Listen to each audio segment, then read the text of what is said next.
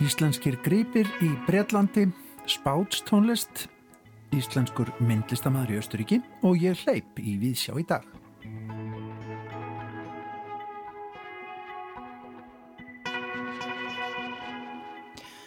Áhugi erlendra ferðamanna á Íslandi ágerðist mikið á 18. og 19. öld þegar leiðangrar komu til landsins, ekki síst frá Breitlandi, til þess að kanna sögu þess og náttúru. Dagbækur voru skrifaðar þar sem meðal annars kemur fram að leiðangursmenn hafðu heimið sér gripi sem þeir kiftu af heimamönnum. Þó nokkuð magn íslenskra gripa var flutt úr landi á þessum tíma. Sumir hafa ratað aftur heim en aðrir ekki. Guðrún Sveinbjörnadóttir, forlegaðafræðingur, hún mun fjalla um íslenska gripi í söpnum í Breitlandi á fyrirlæstri í þjóðminnasamninu á morgun en hún hefur í mörg ár unniða verkefni sem hefur það að markmiði að hafa upp á og skrámunni af íslenskum uppruna sem hafa lenda á söpnum á Breitlandsegjum. Við ræðum með Guðrunu hér rétt á eftir. Við segjum ykkur líka frá uppruna og afdrifum svo kallara spátstónlistar frá Barbados. En þar á eiginni var stopnað líðveldi í fyrra, eigin er fyrrum nýlenda breyta og þar búa eitthvað um 300.000 manns á 440 ferrkilometrum. Við segjum frá tónlistamannum Jackie Opel í þættinum. Og við ætlum líka að fá að heyra í ungum listamanni sem býr og sínur um þessa myndir í Östuríki. Síning östuríska listamannsins Frans Víbmer opnaði Sloss Folkerstorf þann 18. februar síðastliðin.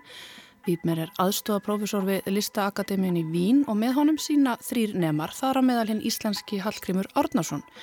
Hallgrímur larði uppálega vöruhönnun en í útgöngubaninu sem reyði yfir Evropu fór hann að feikra sig áfram í tvíviðri abstraktlist með góðum árangri og þetta er hans fyrsta myndlistasýning fáum að heyra í honum hér undir lokþáttar. Við heyrum líka hvað öðrum og tveimur leiklistarínum okkar hér í Víðsjá. Efu Haldur Guðmundsdóttur fannst um verkið Ég hleyp sem prumsýnt var í borgarleikursnu um liðna helgi. Við tölum við aðarleikar þess Gísla Örd Garðarsson á dögunum. En við ætlum að byrja því að fá til okkar góðan gest allarleið frá Breitlandi, Guðrúnu Sveinbjörnsdóttur, forðlegafræðing sem er á landinu til að kynna það sem hún hefur verið að rannsaka síðustu ár.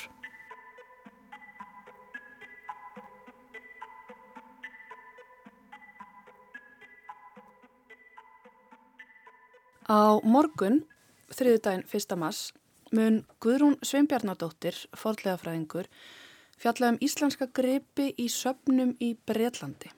Þar mun Guðrún kynna verkefni sem hefur það markmið að hafa uppi á íslensku munum sem hafa í gegnum tíðina lent á söpnum í Breitlandi og kanna hvernig greipirnir lentu á söpnum Erlendis og hverjir það voru eiginlega sem að útvöðu þessa greipi. Sæl og blessu Guðrún og verður velkomin til okkar í Vísjá. Takk að þyrir. Þetta verkefni, þú eru þetta starfað í áratígi sem eh, fórlega fræðingur og kannski margir kannast við þína rannsóknir frá Reykjóldi en hér eru að tala um eitthvað allt annað. Hvernig hófst þetta verkefni og hvenar? Þetta á sér mjög langan aðdraganda þegar ég fór út til London í framhaldsnám fyrir mjög mörgum árun síðan. Þá komst ég fljótlega að því að það voru þarna íslenski greipir á söpnum og ég forvitin að, kanna hver tildröð þess voru. Um, ég komst nú ekkit í að, að ráði að, að kanna þetta fyrir, bara fyrir nokkrum árum síðan en var samt alltaf með þetta svona í öndi meðvutundinni og sapnaði að mér um, upplýsingum um greipi konstfljótli að því að það var til dæmis þó nokkuð margir á Viktoríu Albert sapninu sem er stort sapni í London sem að margir kannast sjálfsagt við. Og um, sem sagt eins og ég segi þá var ég að sapna þessum upplýsingu svona meðfram öðru mm -hmm. alltaf við og við en konst svo ekki í þetta fyrir en ég var búin að skila að mér meðalans reykólti alveg fyrir svona þremur árum síðan eitthvað svo leiðis þá fór ég að sinna þess að alveru mm -hmm. og svo kom uh, COVID og þá var öllu lokað öllum sapnum og öllu ég var þá samt komið langt með að sapna upplýsingunum og notaði tíman til þess að setja þetta saman í einhver texta mm -hmm. Af því að það hafa þetta verið gerðar einhverja rannsóknir og það hefur einhver svona, það hefur vakið annara, áhuga annara fræðimanna áður en það er ekki til neitt svona helstætt sapn eða svona nei. helstæð skrásetning utan þetta. Nei, það hérna, svo ég sett gefið nú aðeins svona bakgrunn þá komu, komu heilmargir erlendi ferðamenn til Íslands, ekki síst á 18. og 19. öld og ekki síst frá Breitlandi til þess að bæða að skoða náttúruna og sögufræja staði. Þeir þekktu til landsins ekki síst í gegnum fótsögurnar okkar.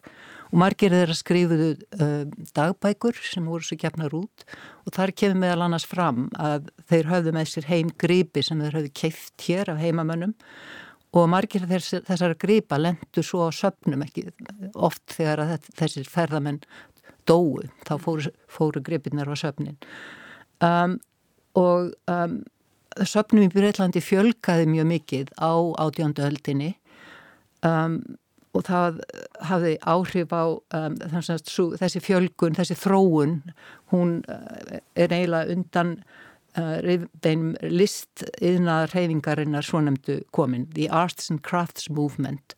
En William Morris sem margir þekkja, hann var svona forgöngum aður þeirra reyfingar og þessi söpn voru sem sagt mörg hver um, stopnuð um, um þetta leiti til að vega upp á móti yðnvaðingunni sem þá var uh, í fullum gangi í Breitlandi og um, þetta sama var að gerast allstaðar í Evrópu, þá voru verið að, að, að hérna, setja upp söpn og þetta var svona eins og mótvægi gegn íðn hérna, og uh, viljið til þess að endurreisa handverk sveita samfélagsins Einmitt, og þetta, já. Já, fyrirgjöð. Þannig að þessir erlendu ferðamenn, þar á meðal eh, okkar Íslandsvinnur, William mm. Morris, mm. komu hér og heitluðust af þessu íslenska handverki, já. alvöru handverki. Hvaða gripir voru það svona, ef við tölum að þessum gripina sem að helst heitluðu, hvað kemur fram í þessum dagbókum? Hvernig er þessi skrif? Já, í dagbókunum kemur nú aðalega, er nú aðalega verið að tala um svona einhverja um, eins og til dæmis kvennbúningaskraut og, og jafnvel búninga, ég kem nú inn á það líka, það er mjög fallið búningur á Viktor í Albertsafni sem að Elsa Guðjónsson skrifaði um í árbók forlega félagsins og svo er annars er þetta útskornir, mikið á útskornum gripum eins og prjónastokkar og, og rúmfjallir og og alls konar trafakepli og já, mikið af útskortnum gripum mm -hmm. en það koma líka fyrir þarna svona gripir sem að tengjast uh, bara daglegu lífi fólks uh, handverki og, en, en Morris til dæmis hann náttúrulega var handverksmaður og hafði áhuga á silfurskeiðum, það kem fram í bókonum hans en, um, og svo er hann líka safnaða líka útskortnum tregripum eins og rúmfjölum og mm -hmm. og kistlum alls konar. Hann kom í fleirin eina Íslandsferð var það ekki? Jú, hann kom tvissvar, 1871 og 1873. Já.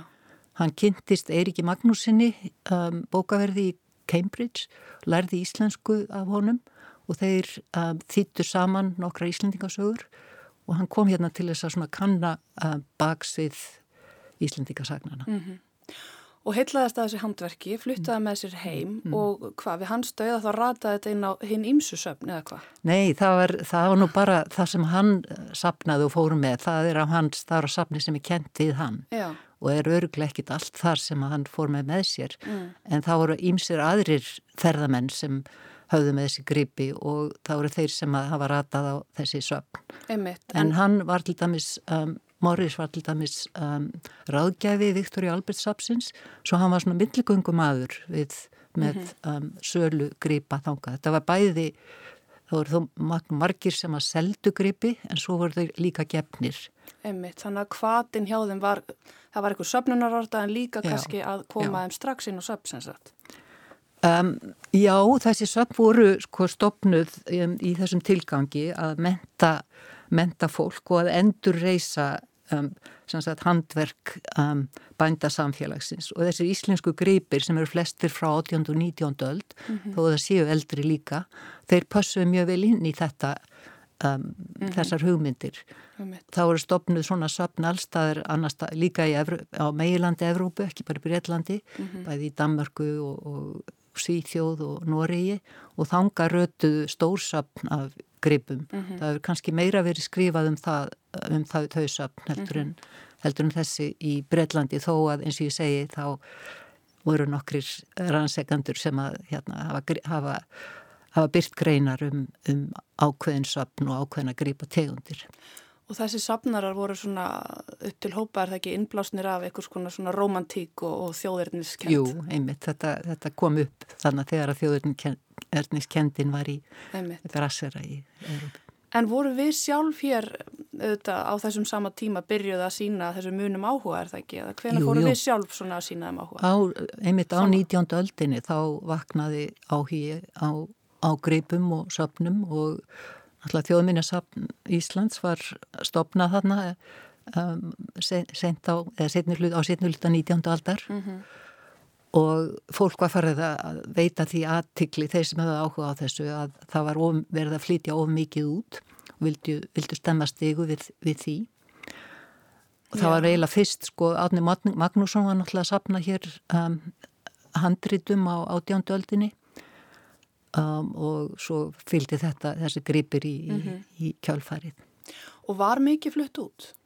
Það var, já, heil mikið flutt út um, og eins og kemur fram hjá mér þá hérna fann ég heimildir um hátt í 500 gripi sem átt að vera á allavega þeim söfnum sem ég hafði upp á. Mm -hmm. Það er engin svona heldarskrá yfir, yfir söfn í Breitlandi um, sem, það sem hægt er að fletta upp til dæmis íslenskum gripum eins og við höfum sarp hér það sem slíkt er hægt að gera mm -hmm. þannig að þetta var svona svolítið um, ég þurfti svolítið bara að fara í leinilögreglu starf til þess að hafa upp á hvað þessi gripir gætu verið á hvaða Einmitt. þetta er svona eitt leiti af öðru Og þú ert ennþá í þessu leinilöglu starfi Ég er nú eiginlega hægt að leita í bíli en það er alveg möguleikið að sé einhver einhver lítil sapnað úti sem ég hef ekki Já. haft upp á og svo er alveg öruglega gripir í enga ekki líka Einmitt. ég hérna, hafði til dæmis samband við konu á eina sapninu sem að þegar ég hitt hana þá var hún með, með, um, með hálsmenn sem var gert úr íslensku skarti Já. og hún hafði keift þetta á, á markaði bara götumarkaði? Já, Já. svona antíkmarkaði og hún sagði að hún hefði oft séð eitthvað þessu líkt, svona parta af stokkabeltum og, og mm -hmm. annars líkt og mm -hmm. nappa og Þannig að það er að fara í miklu, miklu meiri leinlörglu. Það væri hægt, já, já, já. En ég fór ekki út í það að, að, að hérna, reyna að hafa upp á svona enga, greipum í enga eign. Nei. En ef við tölum aðeins um hérna, þessa greipu og hvernig þeir byrtast á þessum söpnum, þessi, ég hef ekki séð brúðarbúningin í Viktor Jálbert Músum, hvernig byrtist hann okkur, á hvaða deild er hann og hvernig er hann, í hvað samengi er hann settur? Hann er ekki síndur, hann Nei, er ekki á síningu. Og sko, flestir þessi greipir eru bara í geimslum. Það er mjög sorglegt er mjög og sérstaklega sorglegt. þessi brúðabúningur sem er alveg sérstaklega fallegur og eftir því sem best veit þá er engin svona til um, hér á landi. Og hann hefur aldrei verið síndur? Hann var síndur, jú, Elsa Guðjónsson rannsakaðan mjög nákvæmlega einhvern tíman upp úr 1960 eða eitthvað svo leys mm. 70 og þá var hann síndur um, en síðan þá hefur hann bara verið í, í, í geimslu og það, þetta er það sama um flesta þessa gripi, það eru, það eru nokkri skartgripir til sínis í Viktor í Albertsafninu mm. hlutar af, af kvennbúninga skarti mm en að svona mestuleiti þá er þetta ekki til sínis þannig að það er ekki áhí á þessari bænda um, menningu eða ef maður kalla það það lengur til þess að sína Einmitt. En uh, markmið þitt með þessu eru þetta bara að skrásetja þetta og, og mm. svona mm. hafa heldarsapn yfir þetta. Uh, er verkefninu lokið eða hvernig sér þið fyrir þér að setja einhvern endapunkt á þetta? Já, ég ætla nú ekki að, að ég, ætla, ég held þetta, já, ég held ekki til sagt það þessi loki og nú er bara spurningunum hvernig ég kemur svo framfæri þannig mm -hmm. að mhm. þetta nýtist öðrum og það er svona í vinslu um, það er aðeins að hugsa um og tala við fólk hérna hvernig best væri að, að að haga þessu hvort þetta verður kannski að, að bara á netinu eða, eða, eða þetta er heilmiklar upplýsingar sem ég er búin að sapna. Ég gerði skrári yfir alla alla þessa gripi með öllum þeim upplýsingun sem að mér tókst að hafa upp á mm. og öllum þeim gefendum og seljendum sem að mér tókst að hafa upp á. Það, er, það kom til dæmis í ljós að það er alls ekki nógu vel skráð í mörgum tilvikum hvaðan þeir sér gripir koma og það sínir manni bara hvað er mikilvægt að skrá niður um, allar þær upplýsingar sem til eru. Mm -hmm. Það var til dæmis einn kona sem að gaf um, skautbúning skorskona og hún dó 1980 þannig að ef að ég hefði vitað af henni mm -hmm. þá hefði ég getað spyrt hana bara hvar hún fekk þennan búning en það er engar upplýsingar um hvar hún fekk hann. Það varður eiginlega ykkur að taka við keflinu, það ekki? Manni vist allavega algjör synd að þetta liggi bara ofan í geimsla allt saman. Já, verður, þetta verður að vera aðgengíklegt einhvern veginn. Um, ég veit að Atnastofnun hefur verið að sapna svona upplýsingum um handrið sem fóru til Breitlands mm -hmm og ég held að það eigi að fara á netið, ég er ekki séð það en þá, þannig að ég laka til að bera saman hvernig, hvað kemur út úr því, það er kannski áhugavert að sjá hvort það er einhverjir sömu aðilar sem að voru að flytja þetta út, en það er ekki komið á það stíð en þá. Nei. Spennandi og þeir sem vilja heyra meira og sjá myndir af þessum gripum geta mætt á morgun á þjóðmennisafni, það verður hátteginu fyrirlestur. Já. Guðrún Sveinbjörnadóttir, forlega fræðingur, takk einlega fyrir að koma og segja okkur frá þessu verkefni. Takk fyrir sem leiðist fyrir að bjóða mér.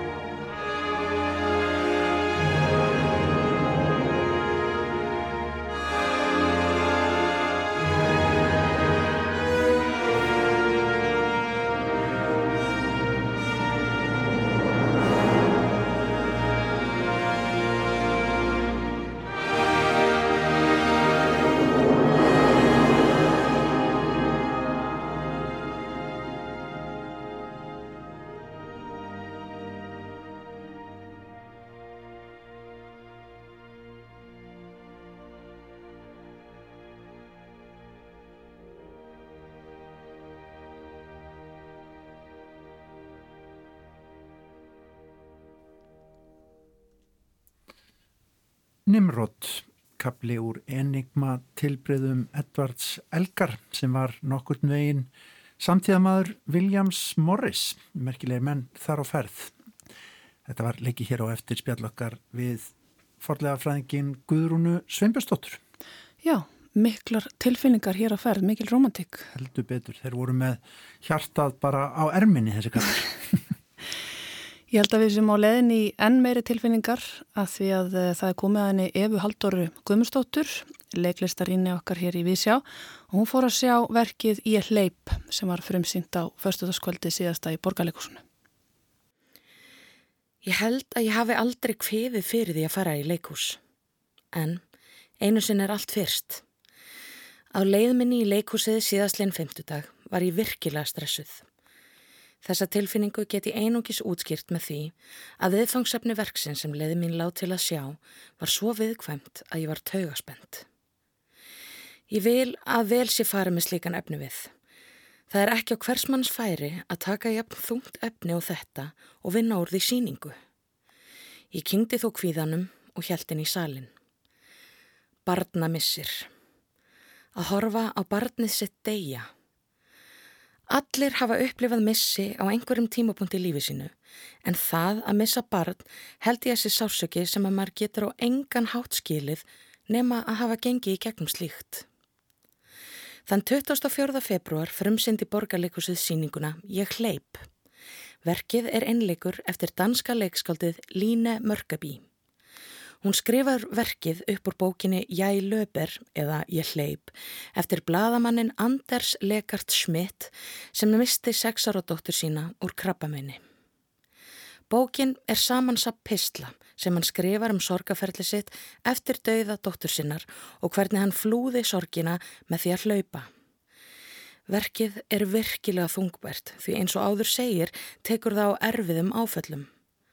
Mörgabí skrifar verkið í dögum Eins konar pistlar flakka fram og tilbaka í tíma en miðast alltaf við dánardag dótturinnar sem er mertur dagur 0. Stíl höfundarins er virkilega áhrifaríkur og hún vinnur með endurtekningar sem að gefa sinanum vít og dýft. En á köplum aftengtist í verkinu eilítið því tekstin gatt verið heldur vélrætt. Orðalag sumstaðar heldur formlegt Til dæmis þegar verið verið að endur taka það sem dóttur hans hafi sagt og það var til þess að ég fór að hugsa meira um málnótgunina heldur en framvindu verksins eða tilfinningu senunar. En í öðrum senum náði tekstinn inn í kviku, engum vegna þess hversu ljóðrætt og tilfinningaríkur hann var. Myndlíkikar urði til þess að kökkur settist í hálsin því þær voru svo kraftmiklar og kröfðist þess að maður horðist í augu við harmþrungin raunveruleika þeirra sem hafa mist barnið sitt. Harpa Arnardóttir leikstyrir verkinu og gerir það listilega vel. Hún gefur verkinu dýft með núansum í uppbyggingu sena og taktið þeirra. Ég var oft verið mjög hrifin að því sem Harpa gerir því hún býrir yfir gífurlegri tilfinningarnæmni í leikstjórn og hana kann ég að meta. Í þessu verki nær hún að skapa þrúandi andrumsloft þar sem áhárfandi nær vart andanum en á öðrum stöðum léttir yfir og gefur áhárfandunum tíma til að ná sér. Búningar hannaðir að Filipíu Elistóttur skapa ramma sem hægt er að vera þakklótur fyrir því verkið flakkar fram og tilbaka í tíma. Í byrjun setur hún fram mann sem á að líta er típiskur pappi í skirtu, peysu yfir og jakkafattaböksum en byrtist áhórandanum jafnframt úr jafnfæi og dofin. Er frelsi hlaupana byrja að toga í hann og gefa hann um kvíld og flóta frá þrúandi sorginni sína búningarnir hann sem fagmannlegan hlaupara en síðan endar hann nær nakin og niðurbrotin. Gísli Ördgarðarsson leikur föðurinn og hleypur hann nánast allt verkið á gamaldags viðar hlaupabretti. Ótrúlegt hann satt var ekki á hann að sjá að hann væri eins úrvinda og ég get ímynda mér hann hafi í raun verið. Þessi stað leik Gísli föður sem að var tilfinningarlega úrvinda. Mann sem var svo bögaður að líka með hans kerði hann áfram með vöðvaminninu einu saman. Þrátt fyrir einstakann leik gísla fannst mér einlegnin í intakiverksins tínast sömstæðar í stífum formleika tekstans sem hljómaði ekki eins og raunverulegt fólk myndi tjá sig. Ef á annað borð á að fjalla um sorgin á sviði, þá verður að mínu mati að tryggja mér finni fyrir henni á borði og í orði. En kannski má velta fyrir sér hvort að þetta hafi verið varnarviðbröð af minni hálfu vegna þessa erfiða viðfangsefnis til að aftengja mig frá yfirþyrmandi samkjönd. Á heildina litið er þessi síning vel þess verðið að sjá, en verkið er erfitt og það er þungbært að setja það út. Til að vera alveg heiðarleg þá hágrét ég í rispum þegar verkið skar inn að beini, en aftengdist svo gjörsamlega þess á milli. En þegar öllu er á botnin kvöld er síningin ekki bara um sorgina. Hún er líka um ástina, þá sem eftir lifa og hvernig má lifa með sorginni. Sagði Eva Haldóra Guðmundsdóttir um verkið Ég hleyp sem síndur um þessa myndir í borgarleikúsinu.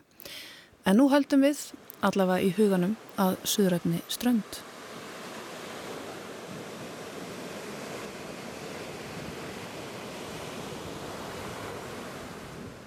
Lífleg eigatónlist úr Karabíahafinu. Því þekki hana kannski að einhverju leiti á getur hlustendur. Allavega þekktustu týpur hennar. Þetta er fjölbreytur heimur. Reggi, calypso, salsa og ska þessar vel þekktu. En þær eru eins og gefur á skilja mun fjölbreytari eigarnar sólríku í Karabíahafinu eru margar. Þær verða fyrir áhrifum víða að frá Afríku, Evrópu, Suður og Mið-Ameríku Aðkomumenn úr öðrum heimslutum hafa haft mikil áhrif á fortíðina þarna, komið stundum með vopp sín á lofti og haldið þrælum við vinnu á eiginum. Og já, týpur tónlistar í þessum heimsluta heita ímislegt, eru jafnvel svo margar mann sundlar. Hér eru nokkrar misþektar tegundir til viðbútar. Marenge, Paulo, Mombo, Denbo, Chutney, Kompas, Dancehall, Jingping, Punta, Soka og Souk. Og svo er það einn tónlistartýpa til viðbótar sem er ekki alltaf að finna í slíkum listum en er fjallaðum í The Guardian í dag. Og það er svo gulluð spáts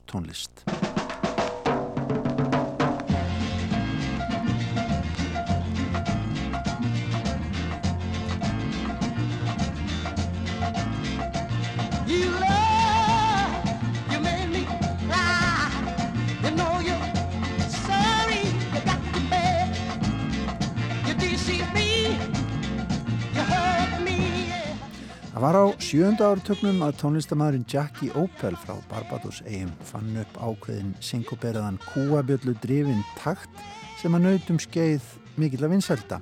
Vinsælda sem að tegðu sig frá eigum Karabíahafsins alla leið norður til New York til dæmis. Jackie Opel, fadir spáts tónlistarinnar, fættist reyndar Dalton Bishop árið 1938 í mikill í fátækt í Bridgetown, höfuborg Barbados.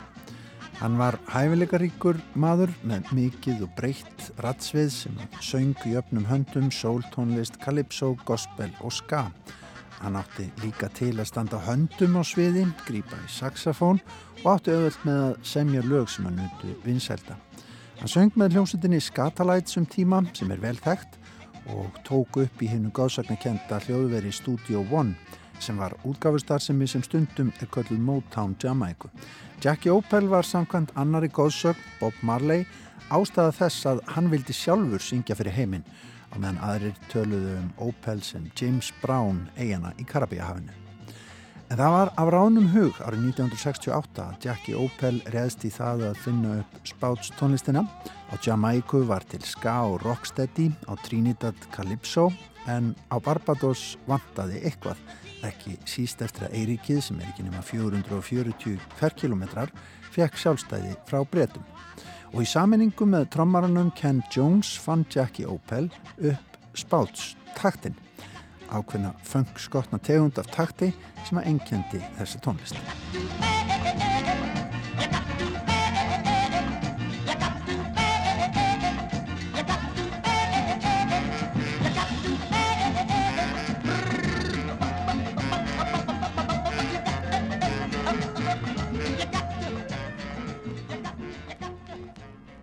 You Got To Pay var mesti smellur Jackie Opel og líklega mesti smellur sem Barbados hefur nokkur sinni fætt af sér og tónlistin var um nokkur ára skeið það sem fólk vildi heyra í partíum og jú líka á eigunum í kringum Barbados. Eitt lærisveina Opels, Richard Stout að nafni, náði í framhaldinu nokkrum vinsældum í bæði New York borg og í bresku útvarpi með þennan takt sem að virtist fá fólk til þess að hrista sig.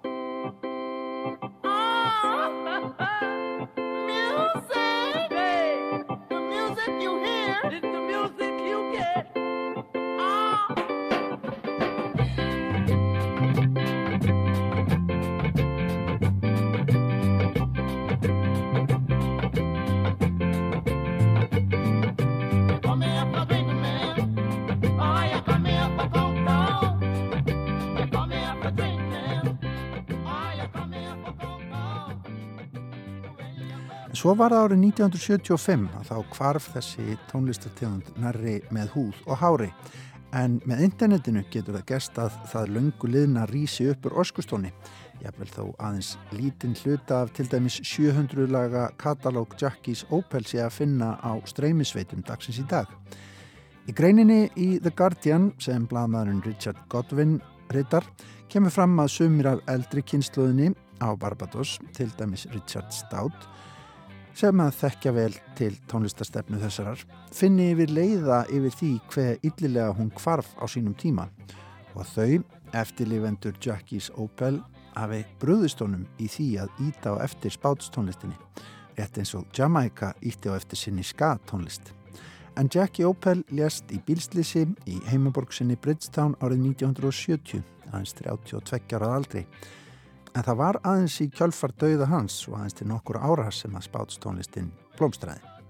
Einn viðmælanda The Guardian bendir á að kannski var ekki ítt á eftir spátstónlistinni vegna þess að Jackie Opel var bara fátakur strákur, ekki með réttu tengslininn í pólitíkinu á eiginu eða af rétta fóreldrinu. Opel var hampað á öðrum eigum, til dæmis Antíka, þar sem fátaktin á þessum tíma var jável enn meiri inn í hans heimalandi, þar sem engin er jú spámaður, eins og við vitum.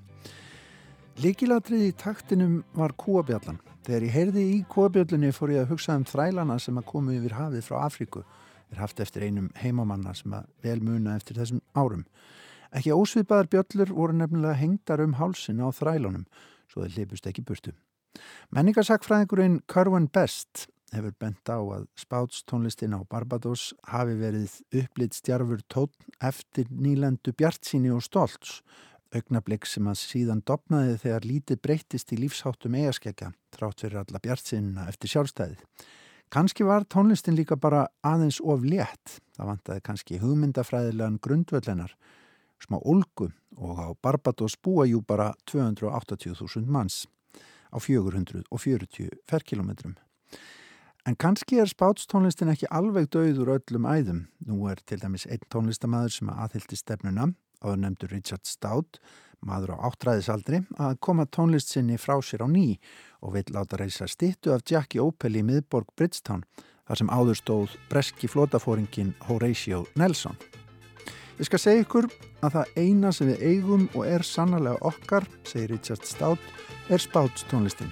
Engin annar en Jackie Opel hefur skapað eitthvað í að frumlegt fyrir okkur hér á Barbados.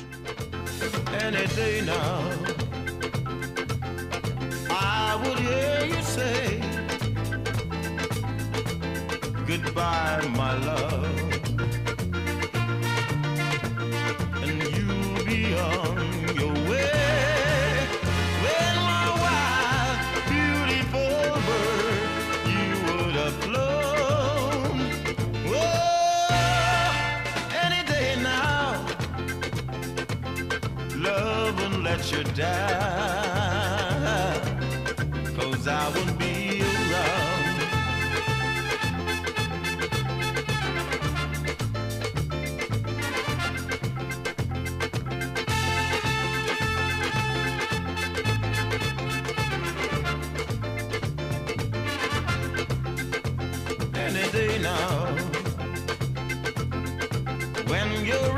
eyes Meet someone new. And to my sad surprise When my wild beautiful bird You would have flown. Whoa, any day now You'll be on your way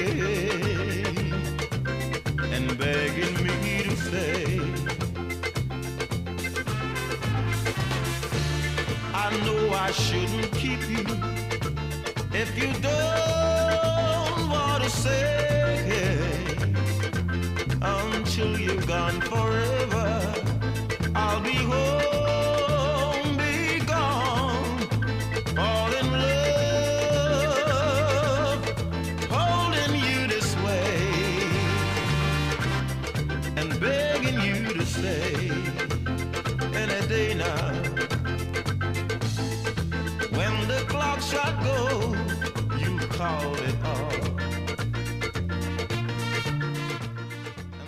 Já, þetta er eh, tónlistamæður á áttræðisaldri Richard Stout frá Barbados með eh, lag sem heitir Any Day Now. Hann er að tróma upp með þessa tónlist sína kallinn aftur og hver veit hvort að Spouts tónlist frá Barbados muni eiga sér endur komu og fólk fara að dilla sér við þetta víða um heim.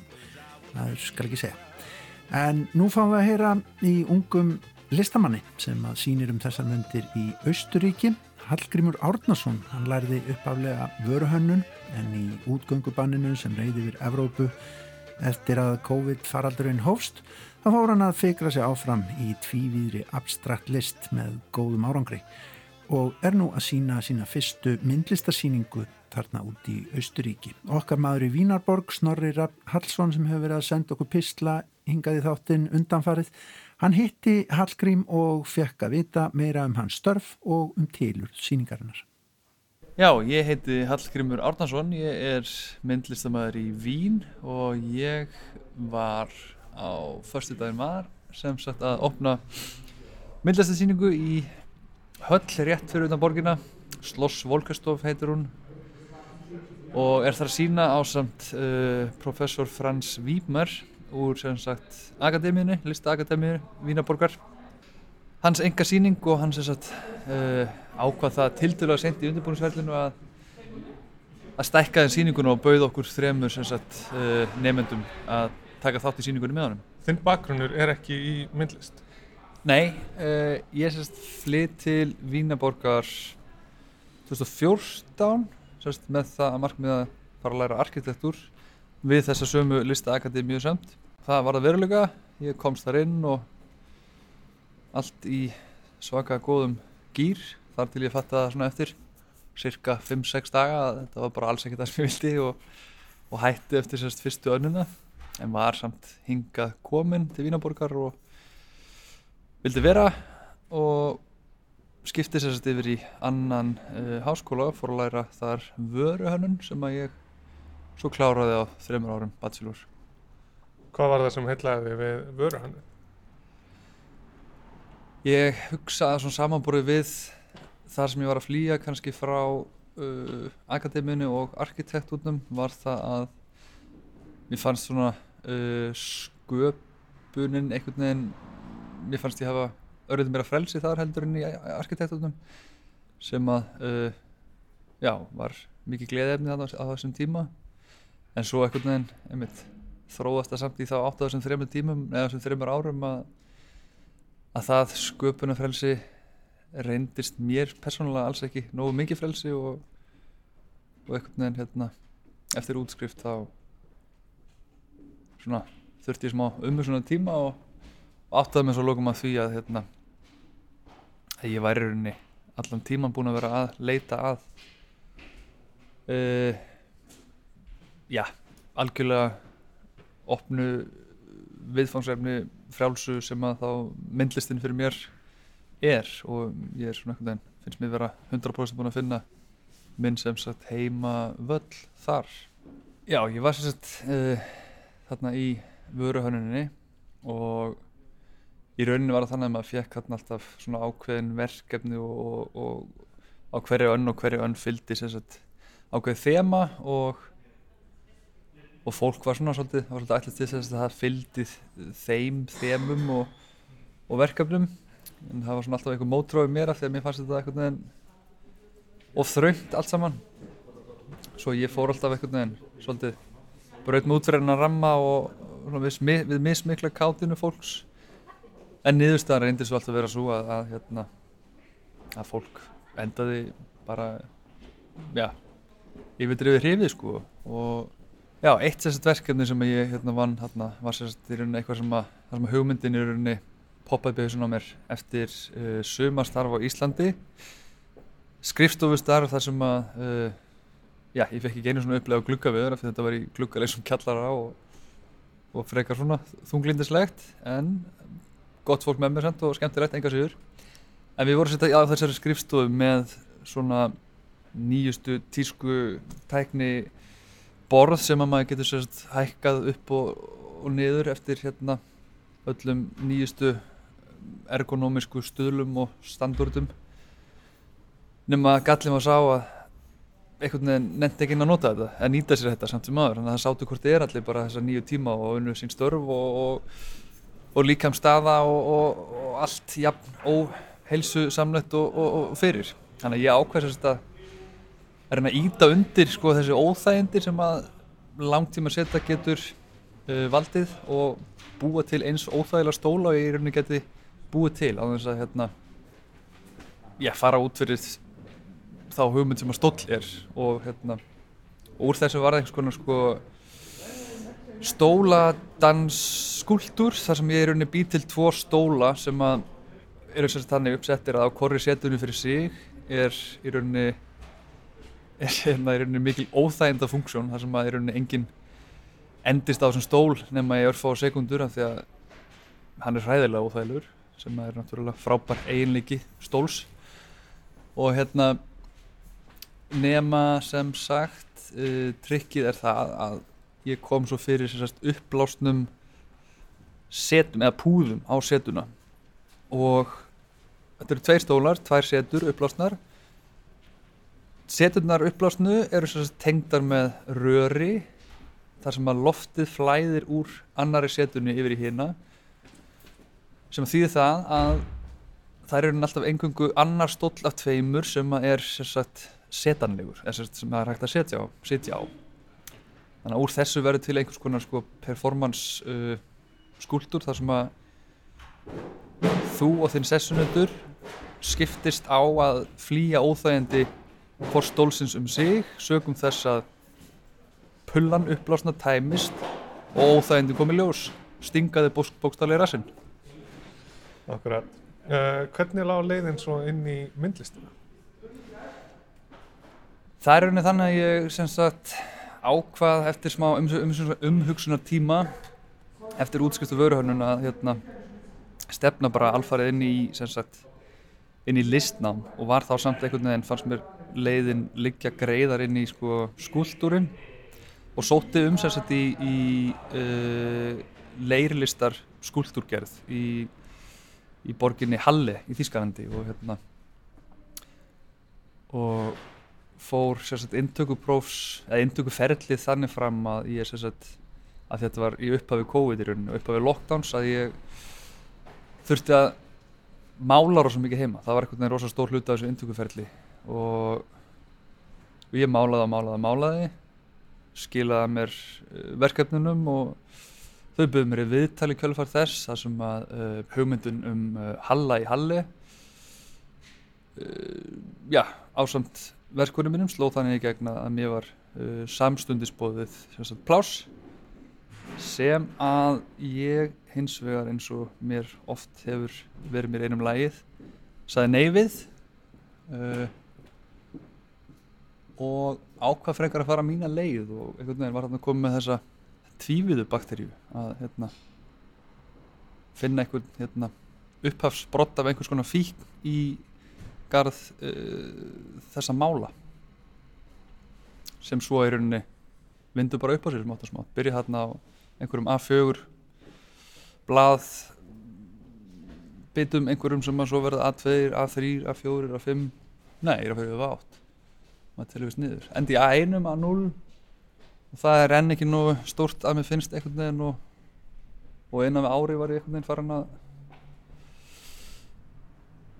já, bókstala flega málingu á stryga yfir eins og halsmetra stærð og breytt og, og þeir fara enn stekkandi og hérna, þetta einhvern veginn verist vera áhugi og þörf sem að engan endi verið að setja að taka.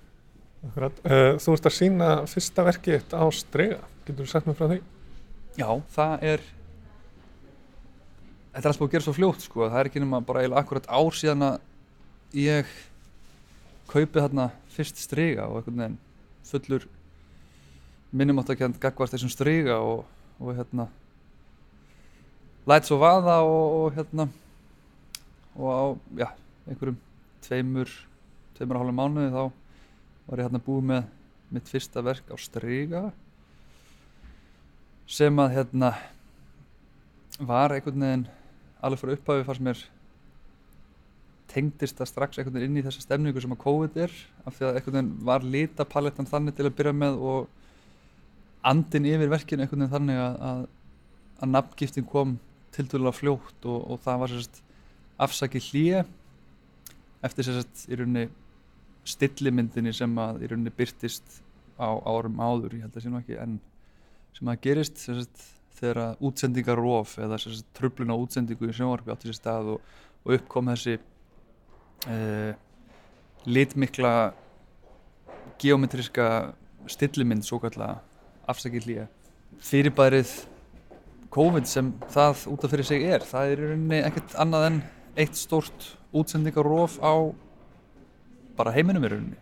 Eitt stórt afsakið hlýja bara eitthvað sem að sem sagt í rauninni kom strax á litlum litla pappitum einhvern veginn að og hefur ekkert breyst. Að ég fer voða vilt inn í byrjununa er hérna með tóman strega nú orðið uh, og í staðinn í stað þess að horfa á hann í einhverju óttafyllri virðingu og íhuga það fjáran ég að gera við hann við allt þetta rými að eiginlega bara fara frekar sko á innsæðinu á uh, trúnni á tilfinninguna á orkuna og á kraftinn bara einhvern veginn og láta svolítið bara vaða. Fara hann inn í einhverju óðagóti og offorsi og treysta tilfinningunni, treysta flæðinu. Þar til fyrstu allu er lokið og þá set ég uppi með stryga með upphaf myndar sem ég starra á og og svo er þetta í rauninni bara ferli að svo kemur næsta skref, næsta bylgja, næsta bylgja og hver bylgja myndi ég segja sé alltaf örlítið róleri og, og þar er ég í rauninni að reyna að sérst lokum samin að þess að kraft, krafta, þetta offors, þetta óreiðu með rónni og finna þar einhvers konar jafnvægi. Ég held svo líka svona veginn að orkan stemningin, gleðin veginn í þessu ferli og í rauninu bara myndlistinni fyrir mig sem mínu eigin fyrirbæri minnir mig persónulega alltaf mikið á svona á pöngið sem það er veginn að staðsta hljómsveit og, og ég var sjálfur mikið í hljómsveitum áður fyrr. Og einhvern veginn þessi orka að uh, mæti bílskúrin kunna kannski lítið sem ekki neitt hefjast handa finna fyrir káosnum finna samt fyrir einhvern veginn einhverju undirleikandi orku og krafti í því sem er að gerast og finna það hvernig maður já þá er hljómsveit í sammenningu reynir að fín tjúna og, og, og finna jafnfægi á að þá er þetta kannski einmannalega, einmannalega og svona já, einbúa útgáðan af því að vissuleiti einhvern veginn að að mæta hérna inn eins og góðu pöngari kunna lítið sem ekkert sem er vissulega raunin hjá mér því að já, hjá mér snýrst þetta um að láta vaða gera sitt besta saman hvort það sé gítar, trommur pensill eða hvað sem er treysta ferlinu, treysta sjálfum sér ekki bara treysta heldur elska sköpunargleðina og láta vaða. Mér finnst oft það lang fallegast að koma út úr slíkri orku. Þversagna kvöttin er sérstaklega verk uh, eitt af svona nýjustu verkunum og eitt af þeim verkum sem er sínt á þessari síningu þetta er ólíuverka mestuleiti en uh, blöndu tækni eins og öll mín verk eru.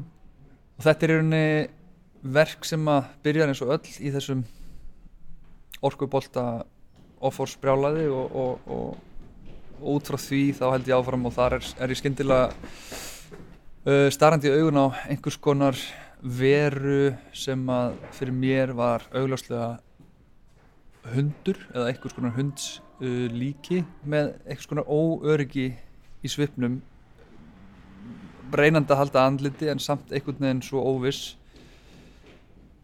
Og einhvern veginn var þetta fyrir mér einhvers konar uh, tákmynd, tákmynd mín sjálfs að einhver leiti og sagt svona bara því sem ég finnst mér eða því sem mér finnst ég hafa einhvern veginn þurft að horfast í augu við og kljást við alla tíð. Einhvers konar sjálfsefa, sjálfsóryggi og, og þeirri baráttu að, að reyna samt að vera drullu sama. Og myndi sem sagt einmitt ber þann titil að, að þetta er sem sagt þversögnin, sem sagt þversagna kvuttin fullur sjálfsefa en samt svo drull. Drull í því samhengi að vera drullu sama. Láta vaða. Taka sig ekki á alvarlega. Því ef maður tekur sig ekki á alvarlega þá er rosalega erfitt að alltaf láta öðrum það eftir að stuða sig með því að taka þig ekki of alvarlega Það er sennilega aldrei neitt svakalega gott að taka sig allt of alvarlega, er það nokkuð gunni? Nei, það finnst mér ekki. Nei. Það er svona alltilega að hafa svona ákveð léttleika yfir tilverunni. Já, það var Snorri Raffn Hallsson sem að rætti þarna við Hallgrím Árnason, myndlistamann og hönnuð í Vínarborg, síningin í Sloss Folkarstorf. Hún stendur yfir til 13. mars en áhuga samir sem ekki komast þangað geta fylgst með Hallgrími á Instagram at Hallgrímur Mur. Já, Hallgrímur Mur, það er, það er hand- handfangið hans á Instagram, heitir það ekki? Já, akkurat. Gaman, gaman að heyra svona, já, æfintinum ungsmanns í Östuríki, að, að það sé hægt að hérna, taka upp myndlist svona í miðum heimsfaraldri. Já, svo sannlega. Og þannig ætlum við að ljúka þessum þætti í dag. Takk fyrir samfélgina og uh, við verðum hér að sjálfsögðu eftir á sama tíma morgun. Já, við bendum á það að það er hægt að fylgjast með öllum þáttum víðsjár inn á spilararúf og í hlaðvarpi líka hægt að nota hlaðvarpsveitur til þess að hlusta á víðsjá og auðvitað fullt, fullt af fleirum, þá, fleiri þáttum hjá okkur hér á Ráseitt. En takk fyrir samfélgina, verið sæl. Verið sæl.